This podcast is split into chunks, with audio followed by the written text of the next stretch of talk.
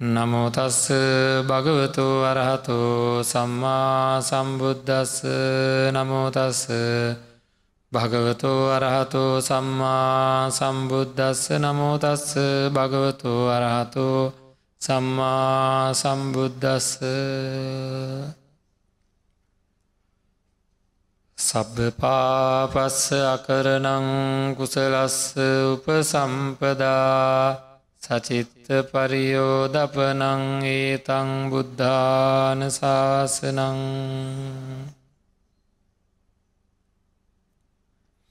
සද්ධා බුද්ධි සම්පන්න පින්නත්න්නේ සම්මා සම්බුදුරජාණන් වහන්සේ දේශනා කරපු ආකාරයට අපේ චිත්ත සන්තානය සකස් කරගන්නේ නැතුව අපේ ජීවිතය සුරක්ෂිත කරගන්නේ නැතුව මේ හිතෙන් උතුම් ධර්මය නැගිලා එන විදිහට අපේ හිත සකස් කරගන්නේ නැතුව සසර දුකෙන් අතමි දෙනවාය සියලු දුක් නැති කරගන්නවාය කියන සිද්ධිය සිද්ධ වෙන්නේ නෑ. එකින් අපි දැඩී උත්සාහයක් ගණ්ඩෝ නෑ ධර්මානුකූලෝ අපේ හිත සකස් කරගන්නඩ කැන ධර්මය නැගිලා එන විදිහට අපේ හිත චිත්ත සන්තානය සකස් කරගණ්ඩ.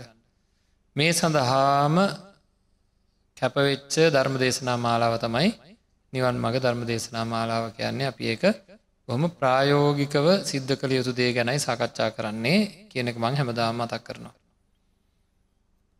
බිනත්න මේ කටයුතු කරගෙන යන අතරවාරයේ දැනට අපි සාකච්ඡා කරමින් තියෙන දේවල් එක්ක මේ දිනවල අපි සූදානම් වෙලා ඉන්නේ නාමරුප පරිච්චේදය පිළිබඳ සාකච්ඡා කරා දිට්ටි විසුද්ධිය පිළිබඳව ඒ සාකච්ඡා කරමින් ඉන්න කාලේ ඉළඟට කංකාවිතරණු සුද්ධිය ගැන කතා කරන්න බලාපොරොත්තු වෙන අවස්ථාවේ මේ වෙනකං සාකච්ඡා කරපු ධර්ම කරුණු සහ විශාල වසයෙන් බාධා වෙන ධර්මයන් ධර්ම කරුණු පිළිබඳ ගැටලු රාසියක් පැන නැගෙමින් තියෙනවා.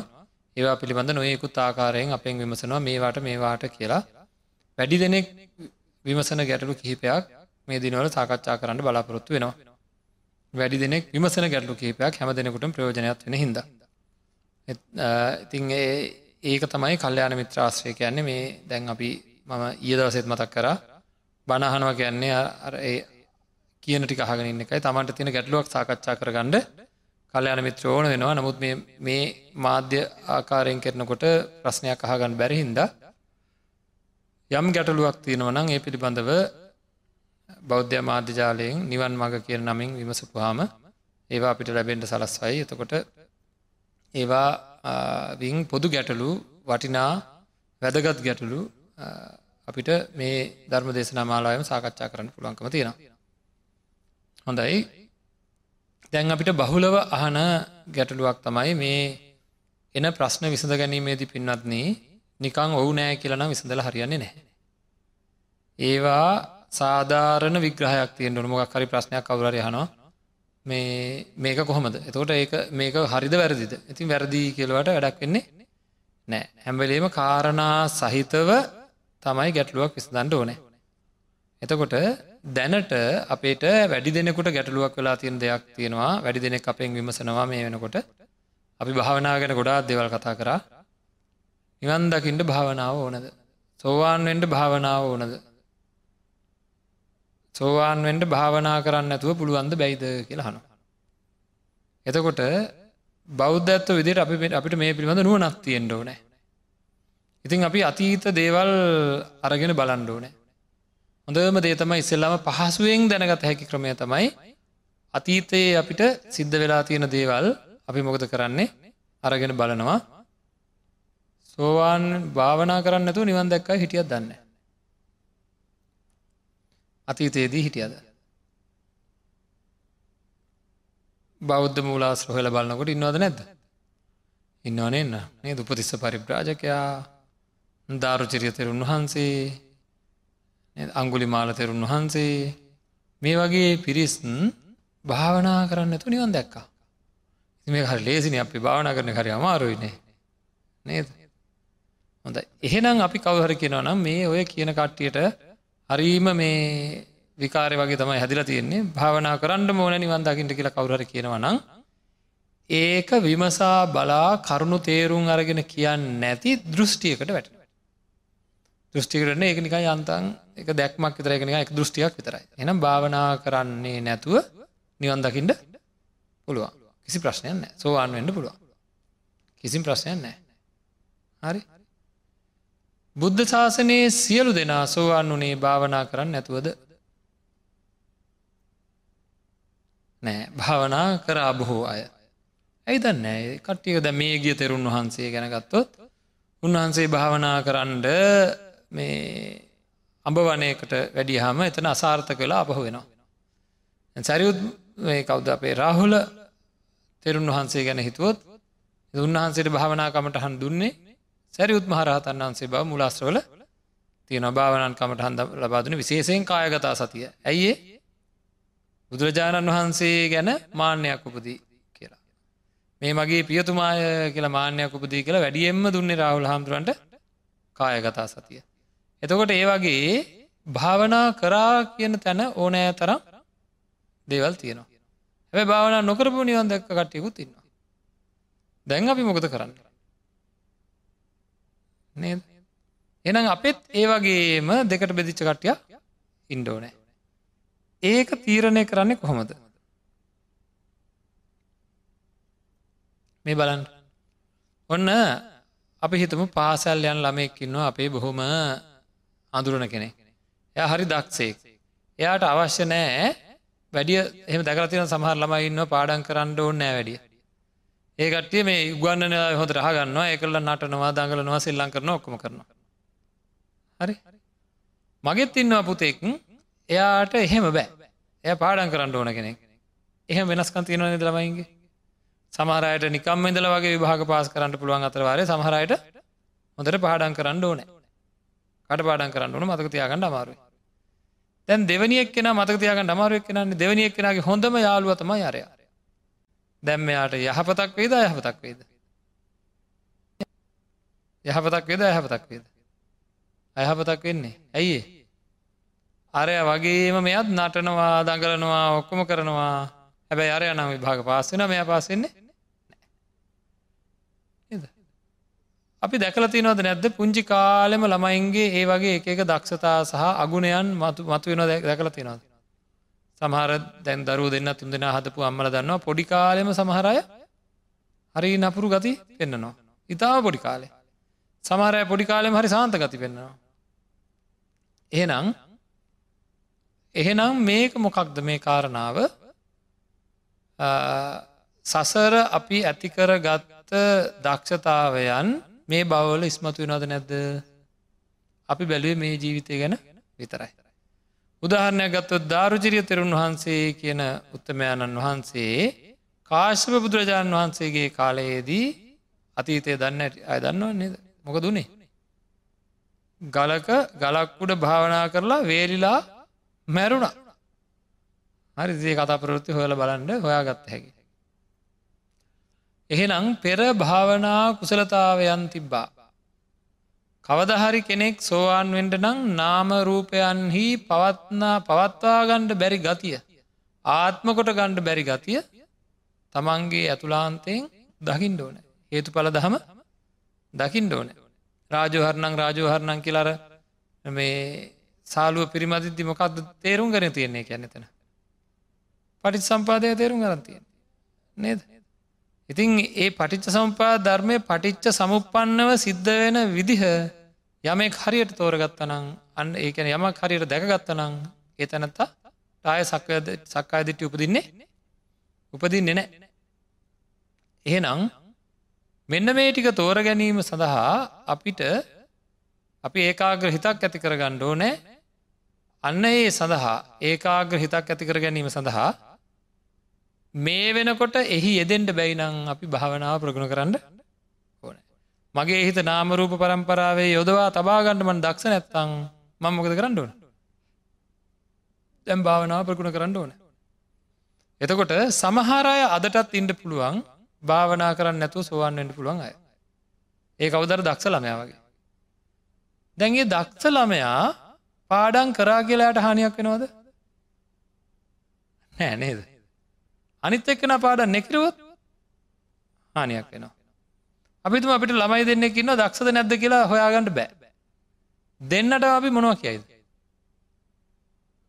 දෙන්නටම කියනව වල පාඩන් කරන්න කියලා. ඔයා දක්ෂුනත් නැතුනත් එයා හොයාගන්නඩ බෑ. නේද? එනම් අපි හොයාගන්න බැයින කියන්න පාඩන් කරන්න කියලා. මොකද අහ කියන්නේ? අහ කියන්න නැති බව දන්න හිද මයිති එකක් අහන්න. භාවනා කරන්න නැතුව සෝවාන්වෙන්ට පුළුවන් කෙනෙක් ඉන්න හිතන්ට මේ කාල ඉන්නවා කියල තන්ට පහල වෙලා. එයා භාවනා කරා කියල ප්‍රශ්නයක් වෙනවාද? ආනෑ එනම් ප්‍රශ්නයක් නෑ. භාවනා නොකර නිවන්දකින්ට බැරි කෙනෙක්න්න භාවනා කරලම නිවන්දකිට වෙන කෙනෙක්කින්නවා එයා භාවනා නොකර හිටියොත්? එනම් පුළුවන්කම තියදි මගැරෙනවා එන අපට අඳුරගන්නට බැයිනං ඔය දෙන්න. අපි ඔකොටම කියන්නටන මොකක්ද භාවනා කරන්න කියලා. හැබැයි මේ කාලේ ඔක්කොටම කියන්න මොකක්ද භාවනා නොකරන්න කියලා. හරි සමහරය ඔක්කොටම උපදෙස්තෙන්නේ භාවනා කරන්න එපා කියලා. එන දැන් තීරණය කාගේ අතේද? තමන්ගේ වැඩේ නේද? ඉති මේකට අපට තව දෙයක් කියන්න පුළන් මට සැකයි මට හරි කම්මැලි අප භාවනා කරන්න. අපි හිතමකු. මට සැකයි මට භාවනා කරන්න නැතුවම නිවන් දැක ගන්න පුළුවන් වේ කියලා මට පොඩි අදහසත් තියෙනවා. මං මොකද කරන්න ඕන? දැම හම්බෙලතින ජීවිතය ඉවරෙන්ට ඉස්සල කොහමරි සුවන්වෙන්ට පෑ ඒකන පරම වගකීම. භාවනා කරන්න නැතුව සුවන්වෙන්ට පුළුවන් වෙයි කියලා අදහත් තියෙනට මොකද කරන්න ඕන? කාලයක් තීරණය කරගන්න. හරි මම අවුරුද්දක් උත්සාහ කරන දෙක් උත්සාහ කරන එච්චර හට ගන්න එපා. ඉට කලින් මැරෙන්ට පුළුව නමගේ අඩුම ගන්න එහෙමවත් ගන්නක? නේද? අද අඩුම ගාන මම මෙන්න මේ මාස පහක් ඇතුළ උත්සාහ කරනවා. දහයක් ඇතුළ උත්සාහ කරනවා. මොකක්ද භාවනා නොකර සුවන්වෙන්ට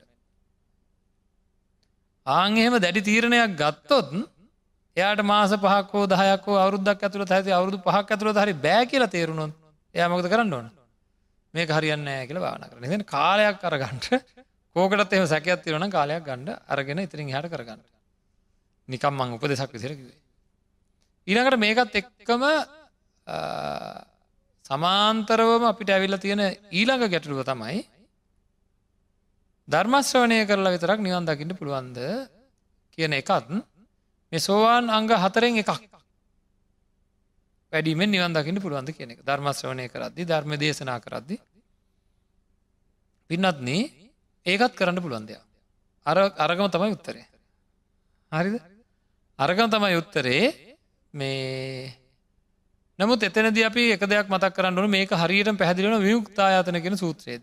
විමුක්තායතන විමුක්තියට පත්වෙන ආයතන විමුක්තියට පත්වෙන ආයතනය කියන මොකක්ද මාර්ගහිත උපදින අවස්ථා. යම් කිසි කෙනෙකුට පින්නත්න ධර්මය දේශනා කර කරිද්දී. කලින් හොඳට හදාරලා භාවනාදිය කරලා හොඳට තීවරව ගැඹුරෙන් නාමරූප පරම්පරාව අධ්‍යනය කරලා තියෙන කෙනෙක් තාම ඒකේ පටිස්සම්පර ස්වභාවය දැක්කෙන අ තමන් තුළින් අත්දැක්කෙන බණ කිය කිය ඉන්න වෙලා එයාට වැට මනසිකාරය තුළින් අන්න අරක්ෂණයක එහි තියෙන ඇත්තත්වය තමන්ගේ මනසට ඇහෙන් යමක් දැක්ක හම වැටහෙනවාගේ වැටහෙන වැටහිමක් ඇතිවෙනවා. මේක තියෙන මෙ බිඳි බිඳී යන ස්වභාවය සහ එක නැතිවී නැතිවී යන ස්වභාවසා හේතු හේතු අනුව සකස් වෙන ස්වභාවය පිළිබඳ හැන් දැක්කාම ඇතිවෙන ස්තීරත්වයක් තියෙන්නේ. දැ මට කියන්න. මේ බලන්න මේ අවස්ථාව එක ෂණයක සිද්ධ වෙන්නේ කෙනෙක් ම පැදිලි කරන්න කවදාක්වත් රුවන්වලි සෑය දැක්ක නැති කෙනෙක්කින්නවා අපි යාට හොන්දට වර්ණනා කරන රුවන්ල සෑ ගැන. දැන් එයාගේ හිතේ රුවන්වල සෑ ගැන එකම චිත්‍රයද මැවෙන එක එක චිත්‍රද? එකක දවිගෙන එක මේ හැඩේ මේ පාට මේක මෙහෙමයි කියලා යට එකක මනෝරූප මැවෙනවා. එක ෂණයක මෙයා එකන් ගිල පෙන්න්නනවා මෙහෙම කරලා දැක්කගම හා මේ රුවන්වල සෑ කියලා නේද ඒහෙමවත් කියවෙන්න එහෙම හඳුනගත්ත මොහොතේම එයාට ආය රුවන්වල් සෑ කියනට පරණේවා එන එක හෙමම එහෙම නවතිනවා. ආගේ වගේ නාමරූප පරම්පරාව එක ෂණයක මෙයා අත්විදිනවා ඒ අත්විදීමත් එක්ක යාට ඒක තියෙන ලක්සන වැටහෙනවා. හරි ඒක ලක්සන වැටහෙනවා අන්න ඒ වැටහීමත් එක්ක එන්න ඒ වැටහෙන අවස්ථාව විටක ධර්මය දේශනා කර කරන්න වෙලාවක වෙන්න පුළුවන්. ධර්මස්ත්‍රවනය කර කරන්න වෙලාවක වෙන්න පුළුවන්. ඉඳගෙන ඉන්න වෙලාව හිටගෙන ඉන්න වෙලාවක භාවනායම යෙදිලා ඉන්න වෙලාව කියලක නෑ කොයි වෙලා හරි වෙන්ඩ පුළන් දෙයක් හැබැයි කලින් කෙරලා තියෙන්ඩුවන. ආංගයකින්දා විමුක්තිය ලබන ආයතනයක් විදිර දේශනා කරනවා ධර්මස් ශ්‍රවණය ධර්ම දේශනාව එහෙම. හරි. එහෙම නැතුව ඒකෙන් විතරක් නිවන්දාගින් පුළන් කියන එක එකන ජයග්‍රහණය ලබන වෙලාව කොහොද හිටිය කියනකම හරි. හොඳයි. ඊළඟට ඔකත් එක් මහ ඊළඟ ප්‍රශ්නය තමයි මොකද මේක ටිකම අධීවර කරගම කොහමරණය සබ්බාස සූත්‍රයේ දස්සනා පහා තබ්බා කියලා තියෙන පළවෙනියට. දස්සනා පහා තබ්බා ගැන සෝවාන් පලයෙන් ඇතිකරගන්නා වූ දර්ශන භූමියයට පත් වෙලා ඇතිකරගන්නා වූ ආශ්‍රවයන් ශයකිරීම. අන්තිමට තමා තියෙන භාවනා පහ තබ්බා කියලා. එතකොට හනවා එහෙනම් සෝවාන් වෙලා ඉවර වෙලා නේද භාවනා කරන්න ඕනේ. ඇයි පලවෙනින් තියෙන දසනා පහ තබා කියලා අන්තිමට තියෙන භාවනා. එතකොට කට්ටිය කියනවා එහෙනම් ඉස්සෙල්ලා අපි මේ විදිහට ජීවිතය කියවල සෝවාන් වෙනවා ඊට පස්සේ තමයි භාවනාව පටන් ගණ්ඩුව. ඇයි අන්තිමට නැරගතිය මොක දන්න කියන්නේ කර මේ අත්තන්ට ඉන්නවා ළමයි හතර දෙනෙක් ඉන්නවා අම්මා කෙනෙක්. එක්කම ගානට ළමයි හතර දෙනට ආදර. කියල හිතන් කිසි වෙනසක් නැතුව ආදර. ළමයි හතර දෙනාගේ නං කියන්න කියන දැන් කොහොමද කියන්නේ? එකක් කියලා එකක් කියනවද නැත එක රොක්කොම කියනවද? එක නමක් කියල තමයි අනිත්තම කියන්නේ. එතකොට හොඳ නෑනක ඉස්සල්ල කිය කෙනට කට හිතන් තින වැඩිය ආදරෙක් කෙනගේ නම ඉස්සලකිවේ කියලා. අහන පලවෙනි එක්කෙනගේ නමින් අකුරක් කියන දෙවැනි එක්කෙනගේ නමින් අකුරක් කියෙන හෙමද එකම සමාන ගතිගුණ තියෙන දේවල් වනත් කියන්ඩ ගිහාම නේද? කියන්ඩ කියන්ඩ ගිහාම පලවෙනින් එකක් කියන්න වෙනවද නැද්ද? පලවෙනියෙන් එකක් කිව්වා කියලා තියෙනවා කියන එකේ තේරුම ඒක ඉස්සෙල්ලාම කරන්න ඕනමයි කියන එකද? එන එක ධර්මය සඳහා වෙන්ඩෝන සම්මාධිටි සම්මා සංකප සම්මාවාචා කියන තැන එහෙම තියෙන ආර්යෂ්ඨායක මාර්ගය ගැන කියපු තැන බුදුරජාන් වස දේශනා කරනවා. සම්මා දිට්ටිය පූර්වාංගම වේ. හරි සම්මා දිට්ටිය පූර්වාංගම වේ කියලා. එහෙනම් මෙතනත් ඒ වගේ ඒ වගේ වෙන්ඩෝන දෙයක් නේ. ඒනම් අපි බලන්ටන මොකක්ද නම් මෙතන මේ සිද්ධ වෙලා තියෙන දේ කියලා. ඒ කියන්නේ වෙන්ඩෝන කියලා කියන්නේ දැන් අපි කියනවනම් දස්සනා පහ තබ්බා කියන එක ඉස්සල්ලවිය යුතු දේනම් අන්තිම එක භාවනා පහ තබ්බාන දස්සනා පහ තබ්බා ගැන් සෝවාන් මග නුවනින් පහ කළ යුතු ආශ්‍රව කියන එකයි. එතකොට අන්තිමේක භාවනා පහ තබ්බානං ඔන්න කටි රමත වෙනවා දෙවනියක මොකක්ද කියලා. දෙවැනි එක මොකක්ද සංවරා පහා තබ්බා තුන්ගෙන එක මොකක්ද පටිසේවනා පහා තබ්බා. හරි. සංවරා පහ තබ්බා කියන්නේ ඉන්ද්‍රිය සංවරය. ඉන්ද්‍රිය සංවරයෙන් පහ කළ යුතු යම් ආශ්‍රවයක් වේද? ඉන්දිය සංවරයෙන්ම ඒක පහ කළ යුතුයි. අධිවාසනයෙන් පහ කළ යුතු යම් ආශ්‍රවයක් වේද? අධිවාසනයෙන් මේක පහ කළ යුතුයි. බැහැර කිරීමෙන් පරිවර්ජනයෙන් පහ කළ යුතු ආශ්‍රවයක් වේද? එක බැහැර කිරීමෙන්ම පහ කළ යුතුයි. භාවනාවෙන් පහකළු යමත් තිනවන භාවනාවම පහකළුතේ වීරයෙන් පහකළ යුතු යමක් තිනවන වීරියම පහකළ යුතු ඔය විදිහට ති මේක තියෙන හෙම. දැන් එහෙනම් දෙවනියට තියෙන්නේ සංවරා පහ තබ්බා කියැන ඉන්ද්‍රිය සංවරය. එ පලවෙනි තියෙන දස්සනා පහ තබ්බා එන ඉස්සෙල්ලා සෝවාන් වෙලා පස්සෙ තමයි ඇ දෙවනියට ඉන්ද්‍රිය සංවරය තියෙන නම් පස්සෙ තම ඉන්ද්‍රිය සංවර කරන්න ඕන. හරි අතන සෝවාන් අංගවල තියෙන සෝවාන් වලට අංගයක් වෙනවා කියලා ඉන්ද්‍රිය සංවරය. නේද? එහෙනම් සෝවාන් අංගවල ධර්මශ්‍රවනය ඇයි මේ ධර්මානු ධර්ම ප්‍රතිපදාව තුළ සංවරය සිද්ධ විය යුතුයි? එහෙනම් මොකද වෙන්නේ? ලොකු ගැටලුවක් එනවද නැද්ද? එහෙනම් තේරුම් ගත යුතුව තියෙනවා අපි මේකෙදී භාවනාව කියන එක අවසානයට දාලා හරියන්නේ නෑ. ඒක අපේ චිත්ත විසුතිය ඇතිකර ගැටීම සඳහා මූලිකව මේ භාවනාව කියන එක ඕන වෙන එක ඒකින්ද කවුරුත්න් තමන් ඉති මංගරකිවගේ අත්හදා බල්ල මේ කටයුත්ත කර ගණ්ඩුවන පුළුවන් විදිහකට තමන්ගේ ඉළඟට සමහරය දැන්න ඉතිගේ ප්‍රශ්නය තරම්ම වැඩක් නෑ. අහලා තියෙන සමහර ප්‍රශ්න තියෙන මේ කාලේ නාස්ති කිරීමක් මේ භාවනා කිරීම කියලා.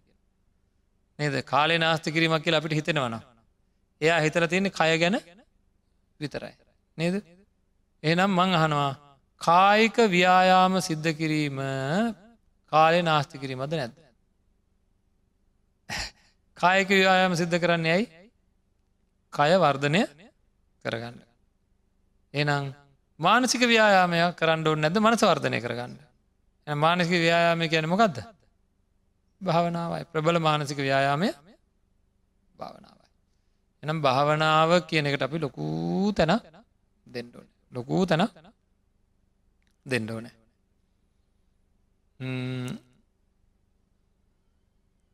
ඊළඟට යම් කිසි කෙනෙක් අසුභ භාවනාව වඩනකොට මගෙන් අහල තිබ්බ ගැටලු තමයි අසුභ භාවනාව වඩනකොට මේ අසුභ භාවනාව පරමාර්ථ ධර්මයක් නෙවෙයි. සම්මුති ධර්මයක්. සම්මුතිය වැඩීමෙන් සම්මුතිය වැඩෙනවා. ඒක හින්දා පරමාර්ථය වඩන්ඩුව නෑ එක දවසක් මේක මේ මේ නිවන් මග දේශනාව විතරන්නේ එක දරුවෙක් ඇවෙල්ල මගින් කෙලින් මහනවා සාකච්ඡා කරපු වෙලාවක ආම්දුරනේ කෙස්ලොම් නියදත් සම්මස්නහර ඇට ඇට මිදුරු ආදී වසේ තියෙන මේ ධර්මතාවයන් මේ සම්මුතිනේ. කෙස් කියන සම්මත කරගත්තය ලෝම් කියන්නේ සම්කර සම්මත කරගත්තය නිය කියන සම්මත කරගත්ත දෙයක්. සම්මත කරගත්ත දේ වැඩීමෙන් සම්මතයයි වැඩෙන්නේ. පරමාර්ථයයි වඩන්ඩෝ නෑ කියලා. ඒකද මට කියනවා පංචුපාදානස්කන්දය තේරුම් ගණඩ පුළොම් භාවනාවත් දෙට කියලා මං ආයසරැක්ව කෙස්ලොම් නිද සම්මස්න හරට ඇට මිදුර කියලා. ඒක හරියන්න නෑ කියනවා. මොකක්ද මේ ප්‍රශ්නය ද ගන්න ක්‍රමේ? ඇත්තනේ කතකින්නේද හිතෙන් නැද්ද? පංචපාදානස්කන්දය අනිත දුකානාත්ම මෙහි කරන්න ආය කෙස්ලොම් නිද සම්මස්න හරට ඇට මිදුර කියල මෙහි කරන්න ඕන්න එහක අපිට හිතනවද නැද නිකං ඇත්ත වගේ කියලා?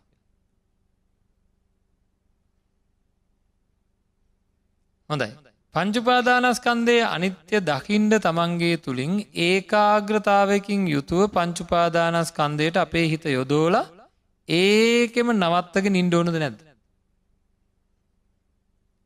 නේද? ඒකෙම නවත්තක හිටියොත් ඔන්න අපිට මේක අනිත්‍ය අනිත්‍ය ලක්ෂණය අඳුරගන්නට පුළුවන් දුක්ක ලක්ෂණය අනාත්ම ලක්ෂණය අඳුරගන්න පුළුවන්. දැන් ඒකෙම නවත්තගෙන ඉන්ඩ පුළුවන්ක මෙහෙම තියෙන අද මොකද? කායවල් මතක් වෙනකොට නේද? ලෝබ දේශ මෝහවල රාගාධි කෙස් ධර්මල හිතවේගෙන් ඇදිලානවා ඒක නවත්තන්න බෑ. හිතේ නොසන්සුන්කං හිතේ ඇත්ත වහන ගතිය ඔක්කෝම මේ මේ වගේ තියෙනවා. එහෙනම් එහනම් අපිට කල්පනා කළ බලන්ඩ වෙන හිත ඉස්සෙල්ලා මේ දැඩි ලෝබවලින් දැඩි දේශවලින් මෝහයෙන් අතමුදවා ගණ්ඩෝන යම් ප්‍රමාණයකට. නේද? ආංඒකට මේ ශරීර පිළිබඳ අපිට දැඩී හැඟීමක් ඇතිවෙන එක නවත්ත ගණ්ඩ ඕන. ආංහෙම නවත්තගෙන ශරීර පිළිබඳ කලකිරීමක් ඇති ඇතිවීම සඳහා ඒ දැඩි ගැනීම නවත්තා ගැනීම සඳහා හිත විසිරීම නවත්තා ගැනීම සඳහා මූලිකවම ගත කරන්න ඕන. කෙස්ලොම් නියදත් සම්මස් නහර ඇට ඇට මිදුරු වසේ වඩන්න. හරි ඊළඟට හනවා සමහර ඇත්තෝ එහෙම මේ අසුභ භාවනා වඩනකොට කෙස්ලොම් නියදත් සම්මස් නහර ඇට ඇට මිදුරු කියලා දැන් අපිට මේ ශරීරයක් දැක්කම ප්‍රියයි සුන්දරයි මදුරයි කිය අපි පාරයනවා. හරි එතකොට එහෙම වර්ධනය කරට පස්ස අපිට පාරයන්ට බැරිවෙන්න සෙම කෙල සොටු මේ වනි අරමුණු වෙන්න කියලා. එකත් එක ගැටෙනවනේ කියලා. එක අප්‍රසන්නයිනේ කියලා. ඉතින් අප්‍රසන්න දේවල් ගැන අරමුණනට ප්‍රසන්න වේ අරමුණ වෙන හොඳ නැද. ප්‍රසන්න විදි අරමුණ වෙන හොඳ නැද්ද කියලා. මොකක්ද අපි දිය යුතු උත්තරේ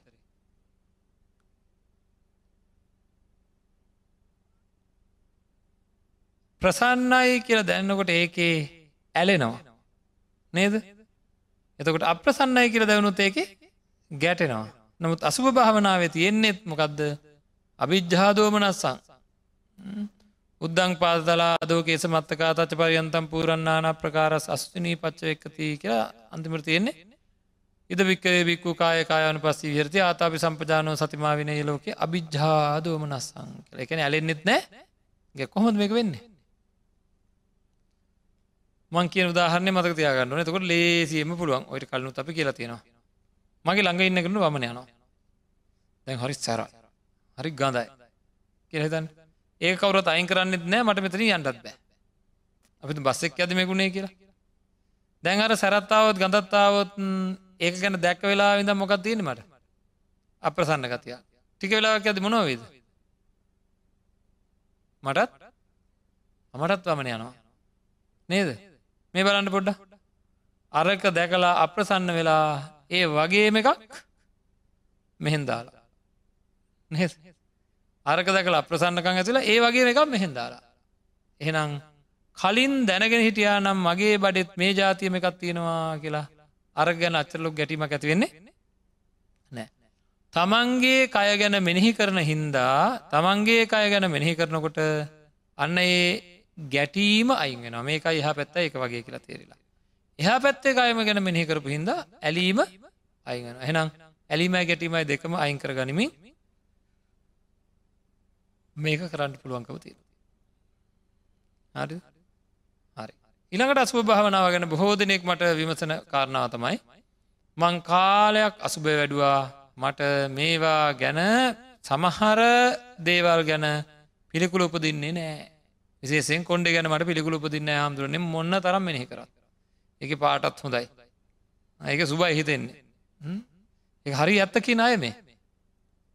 අප අපිට කිව කොඩ ගැන පිළිකුල උපදින්න කළ උපදින්න ඇත්තමකද කරන්න? නේද? උපදින් නැත්තම් මොකද කරන්නේ? කොන්්ඩ ගැන හිතෙන්නෙම ඒක ගඳත් නෑ නිති අප්‍රසන්නත් නෑ කියලා හිතෙන්නේ. හොඳයි කෙනෙකුට කරගෙන අද්දී ඒ කරගෙන යන වස්තුව. කරෙහි. කෙස් කෙරෙහි අපි හිතමු අප්‍රසන්න හැඟීමක් පිළිකුල් හැඟීමක් උපදින්නෙම නෑ.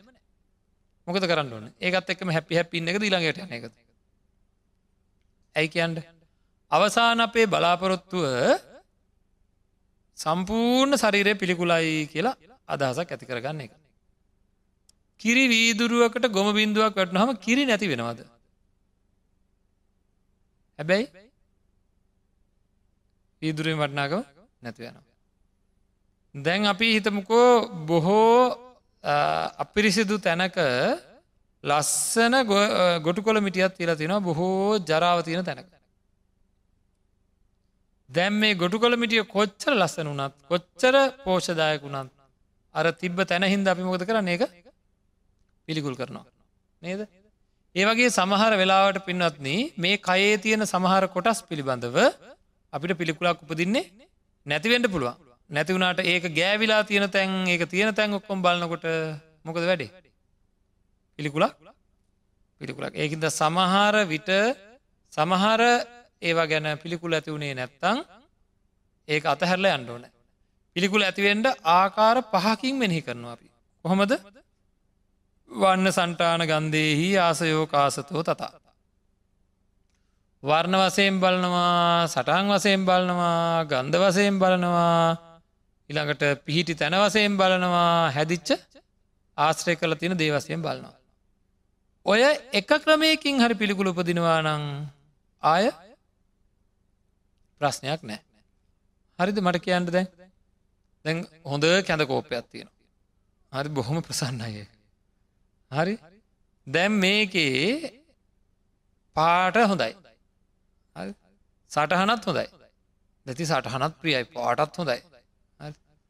නහයට කිට්ටු කල බලන්නකොට නිකම් පෙරුම් කායන් ගඳ වගේ ගදක් වෙනවා එකයි පිළිකුල්. දැන් පෙරුම් කායන් ගඳ වගේ ගඳාවනම් මේක බොන්්ඩම් බැයිනං ආදැම්මන් දන්න අතර තියන්නේ ගැඳ දුර කියලා. පාට වෙනස් වෙලාද? පාට බොහම ලස්සන කොළ පාට නේද? දාලා තියෙන වීදුරුව හැඩට තියෙන්නේ. ආශ්‍රය කල තියන්නේ හාල් අනම් මනං ඒවා. දැන්ට තියෙන පිරිසුදු මේසයක් උඩ. අනිට්ටි ඔක්කම හොඳයි.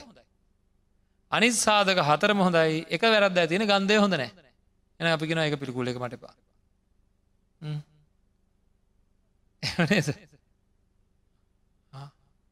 ඒ වගේ මේ කාරණා පහෙන් එකකින් හරි මේ වස්තුව කෙරෙහි පිළිකුල උපදුනා නං පිළිකුළු පදිනවා.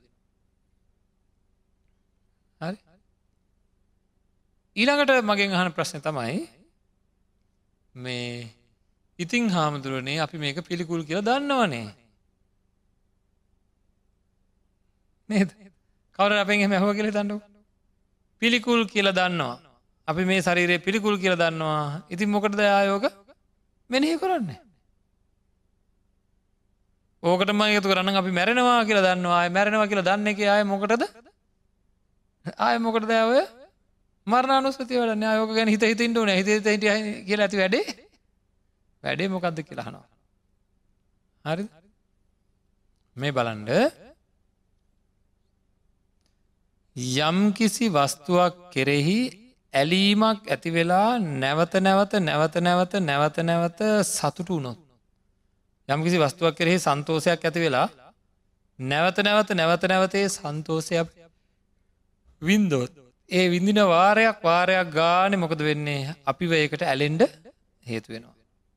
ඒ විතරන්නේ ග්‍රහණය වෙන්ඩ හේතු වෙනවා. එහෙම ඇලුනොත් ග්‍රහණය වුණොත් හරියට නිකං ලනුවක් කෑවාවාගේ උගුලක වැටුනා වගේ ඊට පසේක නැතුව බැරුව යනවා. එහෙනම් එක මොහොතකවත් ඇලෙන්නේ නැති එක මොහොතකවක්වත් ග්‍රහණය වෙන්නේ නැති විදිහට අපි අපේ හිත සකස් කරගණ්ඩුව. මේ ලෝකෙම තියෙන ශරීර පිළිකුලයිද නැද්ද.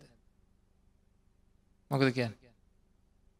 හිතට එකගවම කියන්ට හිසකෙස්සල ඉදං පාදාන්තයේ දං කේසමත්තකය දක්වා සියලුම මිනිසුන්ගේ ලේ මස් නහර ඇට ඇටමිදුළු කෙල සොටු සෙම ආදී හැම්ම එකක්ම පිළිකුල්ද නැද්ද. එනම් අපේ ගෙදරන්න ඇත්තන්ගේ ශරීරවල තියෙන් නැතම ආදරය කරනයගේ ශරීර පිළිකුල්ද නැද්ද. මොකද? මොනපුරාගේ ශරීරය පිළිකුල්ද? දරුවාගේ ශරීරය පිළිකුල්ද? ඇත්තටම කේසමත්තකින්ද පාදාංක දක්වා පිළිකුල්ල වැඳ නැද හැදිල තියෙන එන මඟහනම ඇත්තන්ගෙන් කියන වචනය එකක් දැනෙන හැඟීම වෙන එකක්. ඔවුද නැද්ද? කියන වචන එකක් දැනෙන හැඟීම වෙන එකක්. වැඩියෙන් ක්‍රියාත්මක භාවයට යන්නේ වචනයද හැඟීමද? හැඟීමයි. එනම් හැදෙන්ඩෝනෑ වචනයද හැඟීමද? හැමදේට මූලික වෙන්නේ මනසයි. එනම් හැදෙන්ඩෝනෑ හැඟීම. එන ඔන්න පිළිකුල බව දන්නවා වනාට ඒ අදාළ හැඟීම එන්න නෑ. ඒ හැඟීම එන්න නෑ. එහෙනම් මොකද කරන්නුනේ හැඟීම එන තුරු මෙනෙහි කරන්නට මගේ සහ අනුන්ගේ ශරීර පිළිකුල්ය කියන හැඟීම මගේ තුළ උපදිනතුරු චේතනාව මගේ තුළ උපදිනතුරු මම භාවනාව වර්ධනය කරන්නට භාවනා වර්ධනය කරන්න එකයි. එන දැනගත්ත විතර කරයන්නේ නෑ. අනිත් උදාහරණය තරම උදාහරණය අනිත් භාවනාව තරම් බලමු. මං අහන මේ අත්තන්ට මේ අත්තන්ගෙන් අදහවස මේ අය හරි ආදරය කරන කෙනෙක් හරි අදහවස මැරෙන්ඩ පුළුවන්ද බයිද බෑ. එහෙමද? ආනය නෑ පුළුවන් පුළුවන් දැන් පුළුවන් කිව්වේ වචනේ. ඔවු පුළුවන් අද හැන්දෑ මැරෙන්ඩ පුළුවන් කියලා කිව්වට පින්වත්න ඇතුළ තියෙන හැඟිවමකක්ද නෑ එහෙම වෙන්නේ නෑ නෑ වෙන්න නෑ. ඒක නම් වෙන්න නෑවයකට ඔවුද නැද්ද? එතර කෙනෙක් ඉතින් කමන්න නෙම හිතුවට කියලා. ඒ එහෙම ප්‍රශ්නයන්න මයින් අහල තිබෙන හැ මං කියන්නේ ඊළඟට පස්සේ යහන ප්‍රශ්නය ඉතින් කමන්න නෙම හිතුනට ඇතර කමන්න ඇන්නේද. යම් කිසි වෙලාවක අපේ අම්මෙක්කෝ තාත්තෙක්කෝ අපි ආදරය කරන කෙනෙක් අපෙන් වියෝවෙන්නේ මැරිලා මේෂණයේ ඉන්න ඊළඟසනේ නෑ මේෂණය ඉන්න ඊළඟසනේ නෑ එහෙමද නැද්ද ඔවු අපිට දුක් ඇතිවෙන්නේ ඇයි එහෙමුණ හම අපි බලාපොරොත්තු වනා අපේ හිත බලාපොරොත්තු වනා මෙයා ඉදී කියලා. මේෂනයේ ජීවත් වනා ඊළඟසනයේ මැරුණා. මං බලාපොරොත් වනා නම් තව විනාඩි පහක් හරි ඉදී කියලා. මට දුකක් ඇතිවෙනවද නැද්ද? චහතා විනාඩි පහක් හිට යන ඇතිනේ කියල දුකක් ඇතිවෙන. මං බලාපොරොත්තු හිට අනතාව විනාඩි පහලවක් ඉදී කියලා අර ඉස්සල්ල එක්කෙනට වැඩියන්දුක මෙයාට වැඩියන්දුක විනාඩි පහලවක් හිටිය කෙනවාකිවට දුක අඩුද වැඩිද? වැඩියගේ බලාපොරොත්තු තදයි. මගේ බලාපොරොත්තු තිබනන්තව අවුරුද්දක් එදී කියලා. මගේ දුක වැඩි. නේද? ඇතකට දැන් ආදරය කරන ත කොච්චර කල ඉදිද කියලා දන්න බලාපොරොත්තු තියෙන් අවුරුද්ධද අවුරුද්ධද පහලවක් ඉඳලා මරන්නං කිව අපෝ එහෙම බැහැ එන විස්සත් තියල මරන්නං කිව ආහෙමත් බෑ. තිහක් තියල මරන්නං කිව එනම් හා. නෑන ඒත් බෑ. පණහත් තියල මරන්නං කිව ඒත් බෑ. ඕක සීයත් තියල මරන්නං කිව බෑ. එහෙනම්? දැන් තේරනවන වැඩි? නේද? එතකොට අපිට තේරෙන්ඩ ඕනෑ බලාපොරොත්තු වැඩිවෙන තරමට බලාපොරොත්තු කැඩුනහම දුකයි. හැම වෙලේම දන්නවන ඊළඟ මොහොතේ හරි මැරෙන්ඩ පුළුවන් කියලා අපිව කිව්වන අහනකොට. ආන්ගේ අහනකොට අපේ තුළ තියෙන හැඟීමයි ඒ වචනය දෙකම එකට වෙලා තියෙනවනං අන්න හරි. එහෙමුණනානං අන්න හරි. ඒක වෙන්ඩන මොකද කරන්න ඕන?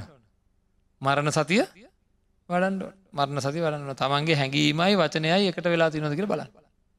කියන එකමද දැනෙන්නේ අපිට දැනෙන්නේ වෙන එකක් කියන්නේ කියන්න වෙන එකක්. දැනෙන්නේ වෙන එකක් දැනෙන්නේ වෙන එකක් කියන්නේ වෙන එකක්. ඒ දෙක ඒ දෙක එකක් කරගණ්ඩ ඕන පින්වත්න. අන්න ඒක සඳහායි මේ භාවනාවෙන් අපිට විපුල ප්‍රයෝජනයක් තියෙන්නේ. අන්න එහෙම කරගත්තොත් තම ඉතින් ඒක ගැන හැම්බෙලීම තමන්ගේ චේතනාව තමන්ගේ චේතනාව නිවැරදි කරගණ්ඩ බලන්ඩෝන හොඳ ඊළඟට මගෙන් අහනවා අසුභයේ කොටස් ටික කී සැරයක් කරන්න ඕනද? නැත්තම් කොච්චර කාලයක් කරන්න ඕනද කියලා. දැම් මොක දෑ වැඩි? මකට හැමදාමකින් උදාහරණයක් තියෙන මොකක්ද අන්න හරුල්පතකින් වතුරෙනවා වගේ කැන් ලිදක් කපනවා. ලිදක් කපනවන යම් කිසි කෙනෙක් අපි අහනවදයාගෙන් දින දහයක් ලිඳ කපන්ඩ කියලා. ඒකැන් එනම් දින කාල වසයෙන් කියන්න බෑ. අඩි දහයක් ලිඳ කපන්ඩ එල ප්‍රමාණ වසයෙන් කියන්න බෑ. අපේ පරමාරමුණ මොකක්ද උල්පතක් ලැබෙන තුරු උල්පතක් ලැබෙන තුරු මේ කරන්නඩෝ නෑ කියලා. ඒවගේ පින්වත්න අසුබාදී භාවනාවක් කළ යුත්තේ ඒ ඒ පියවරේදී ඒ ඒ පියවරේදී ඇතිවන්නා වූ හැඟීම ඔයා ගණ්ඩුවන ගුරුවරයගේ මෙන්න මේ ගාන්ට ඔයාගේ හිත හැදෙන්ඩ ඕනෑ.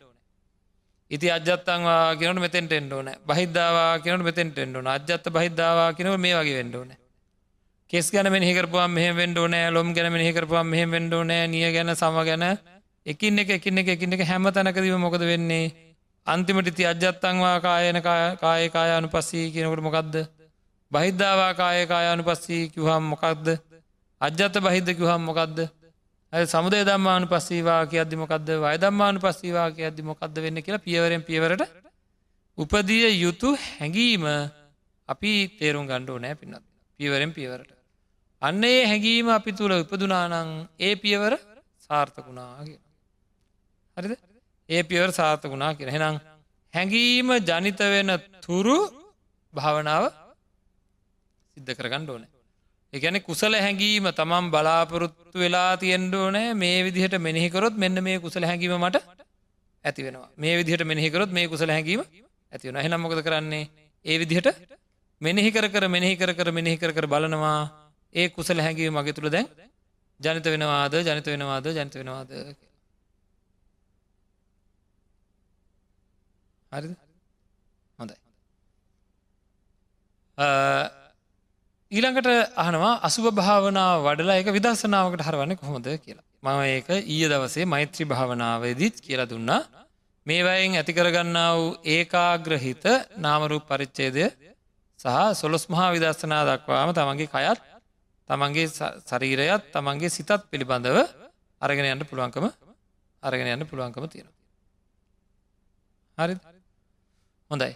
ඉතිං මේ විදිහට අසුභ භාවනා කරන කෙනෙකුට තමන්ගේ ඒ අසුභ භාවනාව කොපමණකින් වැඩුනා කියලා දැනගන්නේ කෙසේද කියරහන මගේ හරි ඉතිං අකුසලයට යට නොවී තිබිය යුතුයි අකුසලයට තමන්ටම හොයාගත්ත හැකි. ඕනම් භාවනාව ඒගැන්නේ ඒක අසුභ විතරන්නේ මම එක ඔක්කොම එකට අරගෙන කියන්න මං කරගෙන යන භාවනාව මම සාර්ථකව කරගෙන යනවා කියලා මට තියාගණඩ තියෙන සාතිකය මොකක්ද. මෛත්‍රී වඩන කෙනෙකුට නම් තියෙන්ට ඕන සාතිකය තමයි හිතවත් අහිතවත් වෛරී මැදිහත් කියන පිරිස් මගේ ළඟ දැන් නෑ අසුබේ වඩන ගෙන අර්ථි බියුතු සාතිකය තමයි ලොවෙහි සියලු ශරීර ගැනමට ආසාාව උපදින්නේ නෑ ඇලෙන්න්නෙත් නෑ ගැටෙන්ෙත් නැතුව ඉන්ඩ පුළුවන් කියලා තමන්ටේ සහතිකය. තමන්ටේ තමන්ට අදාළ හැඟීම තියෙන්ඩෝන එන්න ඒක ජනිතුන් හම අපි කෙනවා එතෙන්ට අදාළ භාවනාව එතෙන්ට අදාළ භාවනාව වර්ධනය වුණා කියලා. එතෙන්ට අදාළ භාවනාව වර්ධනය වුණා කියලා. එතකොට අපි මේ ප්‍රශ්න දෙකම එකට ගමු සමහර ඇත්තු මට කියනවා රාගාදී කෙලෙස් ධර්ම ඉතා ප්‍රබලයි. මේ ප්‍රබල රාගය අසුබෙන් යට කරන්න බෑනය අපේ හාමුදුරුවනේ කියලා. මේකට මොකද කියන්න. මේක පුළුවන්ද බැයිද කියලා අපිට ඔප්පු කර ඒ කියන්නේ තර්කයෙන් නෙවෙයි තර්කයට අහුවෙන්නේ නැති විදිහට තර්ක කරන්න අය දෙයක් නෑ කියලා කියන්න පුළුවන් විදිහට මේක ඔප්පු කරගන්න පුළුවන්කම තියෙනවා. හරි? මේ බලන්ඩ අපි කොහොමද මේක පිළිබඳ සාකච්ඡා කරන්නේ? දැන්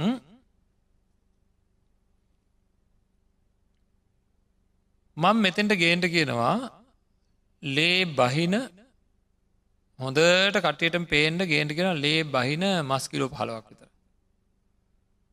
හරිද? ගේන්ට කියලමක ගන්න හොඳ ටිටි කොලේ කොතන්ට කියනවා. ඉටි කොලේ කොතලා සුදුරෙද්දකින් වහන්ට කියන පහල මෙතන තියන්ට කියන හරි? දැන් කාට හරි කෙනෙකුට කියනවා ඇවිල්ල මේක පිරිමදින්ට කියලා. මේ ඇත්ත මේක පිරිමදිනකොට මෙහෙම කරගෙන ඒ පිරිමදින කෙනා කියයිද? අපි සැපයි සුන්දරයි මදුරයි ප්‍රියයි කියලා කියයිද? සැපයි කියලා කියයිද? නෑ. මොකද කියන්නේ? එයට ඇතිවෙන මොන වේදනාවත් පිළිකුල් කතියක් දුක්වේදනාවක් අප්‍රසන්නකමක්. එහෙමද නැද්ද? එතකොට ඇයි ඇයි එහෙම වෙන්නේ? මේක යට මස් තියෙන්නේ. ඒකැන යට මස් තියෙන හින්දා උඩින් මෙහෙම අත තියෙනකොට ඒ මස් පිළිබඳ අපිට අදහසක් නැති ගෑවනේවත් නැදැන් ඉටි කොලෙකින් හොඳට වහලා රෙද්දකිනුත් හලා මෙහම අති භවනික ස්පෝජ එකක් වගේ හරි සනීපයි. නේද? කවුහර අපේ මට හරි සනීපයි කියලා මේ තියාගනිදි දත නෑ. ඇයිඒ මට සංඥාවක් වෙනවා යට තියෙන්නේ මස් කියලා. එම නේද?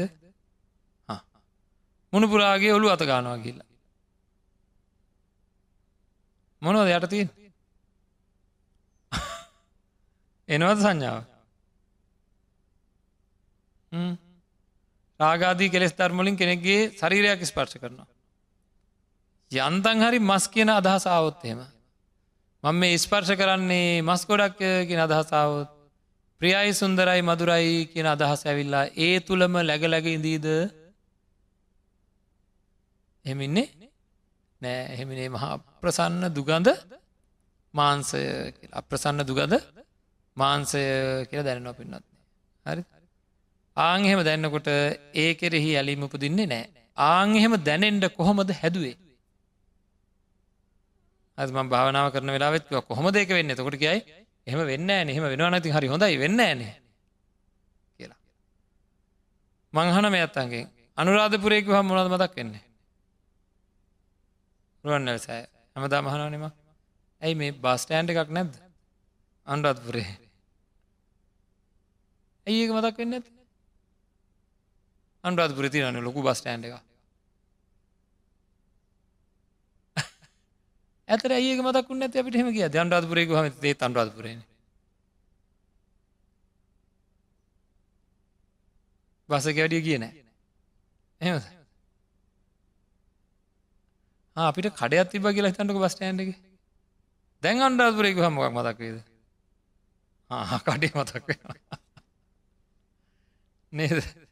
ඇයි අපිට මතක් වෙන්නේ වැඩියෙන් ආශ්‍රය කරලා තියෙන දේ. වැඩියෙන් ආශ්‍රය කරලා තියෙන දේ.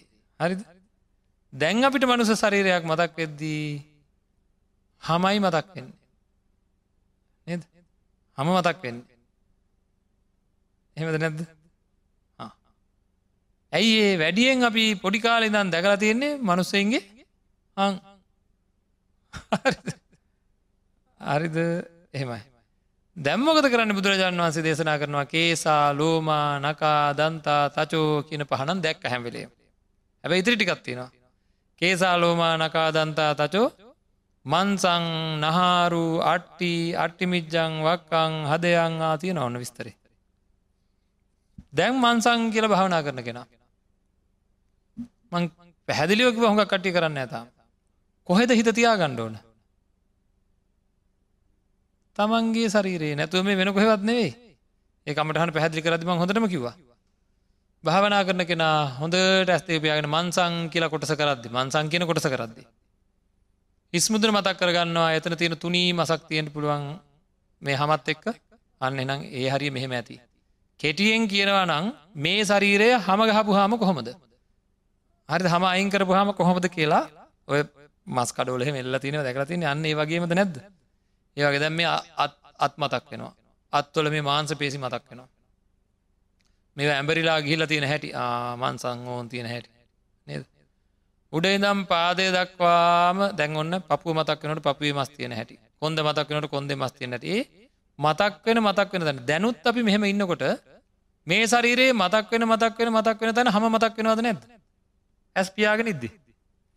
එහෙනම් අන්න ඒ ඒක වෙනුවට දැම්මකද මතක් වෙන්නේ.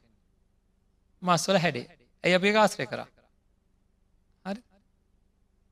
ඔන්න ඔය විදිහට භාවනා කරන කෙන මොකද කරන්නේ? තමන්ගේ ශරීරයේ මස් සංඥාව ඇති කරගන්න හොඳට. ලේ සංඥාව ඇති කරගන්නවා. කටු සංඥාව ඇති කරගන්න හරි ආංහෙ ඇති කරගතට පස්ස මොකද වෙන්නේ? සංඥාව ඇති කරගන්නවා කියන්නේ එකයි දැන්යා ශරීරය අධ්‍යා බලනවා. අන්න බලනකොට එයාට මස් කටු මතක් වෙන ඒත් සමහර ශරීරෝල නෑ ඇයිඒ අර සුබයි සුවයි සුන්දරයි කියෙන හැඟීම ප්‍රබලයි. මේක දුබලයි එනම් මොකද කරන්න ඕන. ඒ ශරීරය අරගෙන ඒක පිළිකුල් වසේ මෙනිහි කර කර එක හදා ගණ්ඩෝන. හරි උපාදාන වෙලා තියන ශරීර පිළිබඳ මොන්න තරන් කරත් සමහර වෙලාවට අපිට ඇති වෙන්න. ඉතින් හැම වෙලේම අර තමන්ට උපදින අකුසල හැඟීමට වඩා ප්‍රබල කුසල හැඟීමත් තමන් තුළ උපදවා ගණ්ඩුවන්. හරි? ඉතින් ඔන්න ඔය විදිහට භාවනාවකින් බොහෝ ප්‍රයෝජන අපිට ලබාගන්න පුළුවන්කම පුළුවන්කම තියෙන. ඒක හින්ද මේක අත්හදා බැලීමවත් අතහැරීමවත් කළ යුතු නෑ නේ මේක නිකං අර මං කරලා බලන්නක හරියිද කියලා. නෑ නෑ. නේද? බුදුරජාණන් වහන්සගේ ධර්මය පියවරෙන් පියවරට පියවරෙන් පියවරට පැහැදිලිවම තියෙන එක ඒකින්දා අපිට ඒක පිළිබඳ අත්හදා බලබලින්ට දෙයක් නෑ. ඒක මහා වේගෙන් අත්නගින්ට පුළුවන් දෙයක්. ඒ ආශ්‍රය කරන්න ඕනෑ. ආශ්‍රය කරපු හාම හොඳින් තමන්ගේ හිත තමන්ටම නිවැරදි තමන්ටම නිවැරදි හැඟීම් ඇති කරවනවා. දින මේ වැඩ පිළිවෙල ඉතාමත්ම පැහැදිලි වැඩ පිළිවෙලක් එක කළ යුතු වැඩ පිළිවෙලක් ඒකින්ද හැමෝම් වෙනුවෙන් ප්‍රාර්ථනා කරන අධිෂ්ඨාන කරනවා. තම තමන් බාහු බලය යොදලා හරියම්භ කරගත්ත ධනය පැහදන් කරලා මේ ධර්ම දේශනාව සඳහා දායකත්වය ලබා දෙන්නේ එවැනි දායකත්වය ලබාදුන්න පින්නත් පිරිසවෙනුවෙන් අපි ප්‍රාර්ථනා කරන මේ ජීවිතයේදීම උතුම් නිර්වාණ සාන්තියෙන් සැනසෙන්ඩ මේ සියලු පින් හේතුවේවා කියල ප්‍රාර්ථනා කරන. ආකා සට්ටාච බුම්මට්ටා දේවානාගා මහිද්දිකා උඥන්තන් අනුමෝදිත්වා චිරංරක්කං තුසාසනං චිරංරක්කං තු දේශනං චිරංරක්කං තුමං පරංති හොඳයි පින්නත්න මේ ධර්ම දේශනාවේ දායකත්වය විදිර සඳහන් කරලා තියෙන්නේ කුරුණෑගල ප්‍රදේශය තුළ පදිංචි සැදහැවතුන් කියලා. දේශගෑනන් වහන්සේට පූජ ධර්නාගම කුසර දම ස්වාමීන් වහන්සේ ඇතුට සියලුම් ස්වාමීන් වහන්සේලාටත් පැමිණි සිටින සියලුම දෙනාටත් එයාගේ පවුල්වල සෑම සියලු දෙනාටත් මේ ධර්ම දේශනාශ්‍රවනය කරන සියලු දෙනාටත් උතුම් නිර්වාණාබෝධය ලැබේවා කියන ප්‍රාර්ථනාව විතරක් ඇති කරගෙන පින්නති මේ ඇත්ව ඉතාමත්ම කරුණාබර මෛත්‍රී සාගත සිතකින් තමයි මේ ධර්ම දේශනාව දායකත්වය දරන්නේ. තමන්ගේ නම් ගොත්වත් කියවන්ඩ ඕනෙ නෑ. ඇති මගේ නම් කියවන්ට මම වෙන්කරගත්ත කාලේ මගේ නං කියවන්ඩ නෙවෙයි. ඒ වෙලාවෙත් උන්වහන්සේ බණ ටිකක්ම කියත්වා. එක බණපදයක් ඇහිමෙන් අන්න අයව සැනසෙන්ට පුළුවන්. මගේ නම ඇහුනට සැනසෙන්නේ නැත. නද? කොහොමත් අපිට පුුණ්ඥන මෝදනා සිද්ධවීම නං කිව්වත් නැතත් සිද්ධ වෙනවා. මගේ තුළ එවැනි මාන්‍යයක්වත් ඇති නොවීම සඳහා කියලා කුසල් හැඟීමෙන්ම පුුණ්‍ය ශක්තියක් ඇතිකර ගැනීමට මේ ඇතු බොහෝම දක්ෂ වුණා. ඉතින් මේ ධර්මය ශ්‍රවණය වෙච්ච මානයකින්න හැමෝම යම් කිසි ආකාරයක සංයමයක් ලබාගන්නවාද අන්න ඒ සංයමයක් ලබාගන්න වාරයක් වාරයක් ගානේ මේ අත්තන්ට බොහෝම පින් රැස්සෙනවා. ඒකදයි සංවිධානය කර පැත්තන්න අපි ප්‍රාර්ථනා කරනවා අධිෂ්ඨාන කරනවා තම තමන් කරන කියන සල් කටයුතු සාර්ථක වේවා සියලි හපත් අධිෂ්ඨාන ස්ත සිද්ධ වේවා. හැමදිනාට මුතුම් නිවනින් සැනසෙන්ඩ මේ පින් හේතු වේවා කියල ප්‍රාර්ථනා කර හොඳ හැම දෙනාටම තෙරුවන් සරණයි.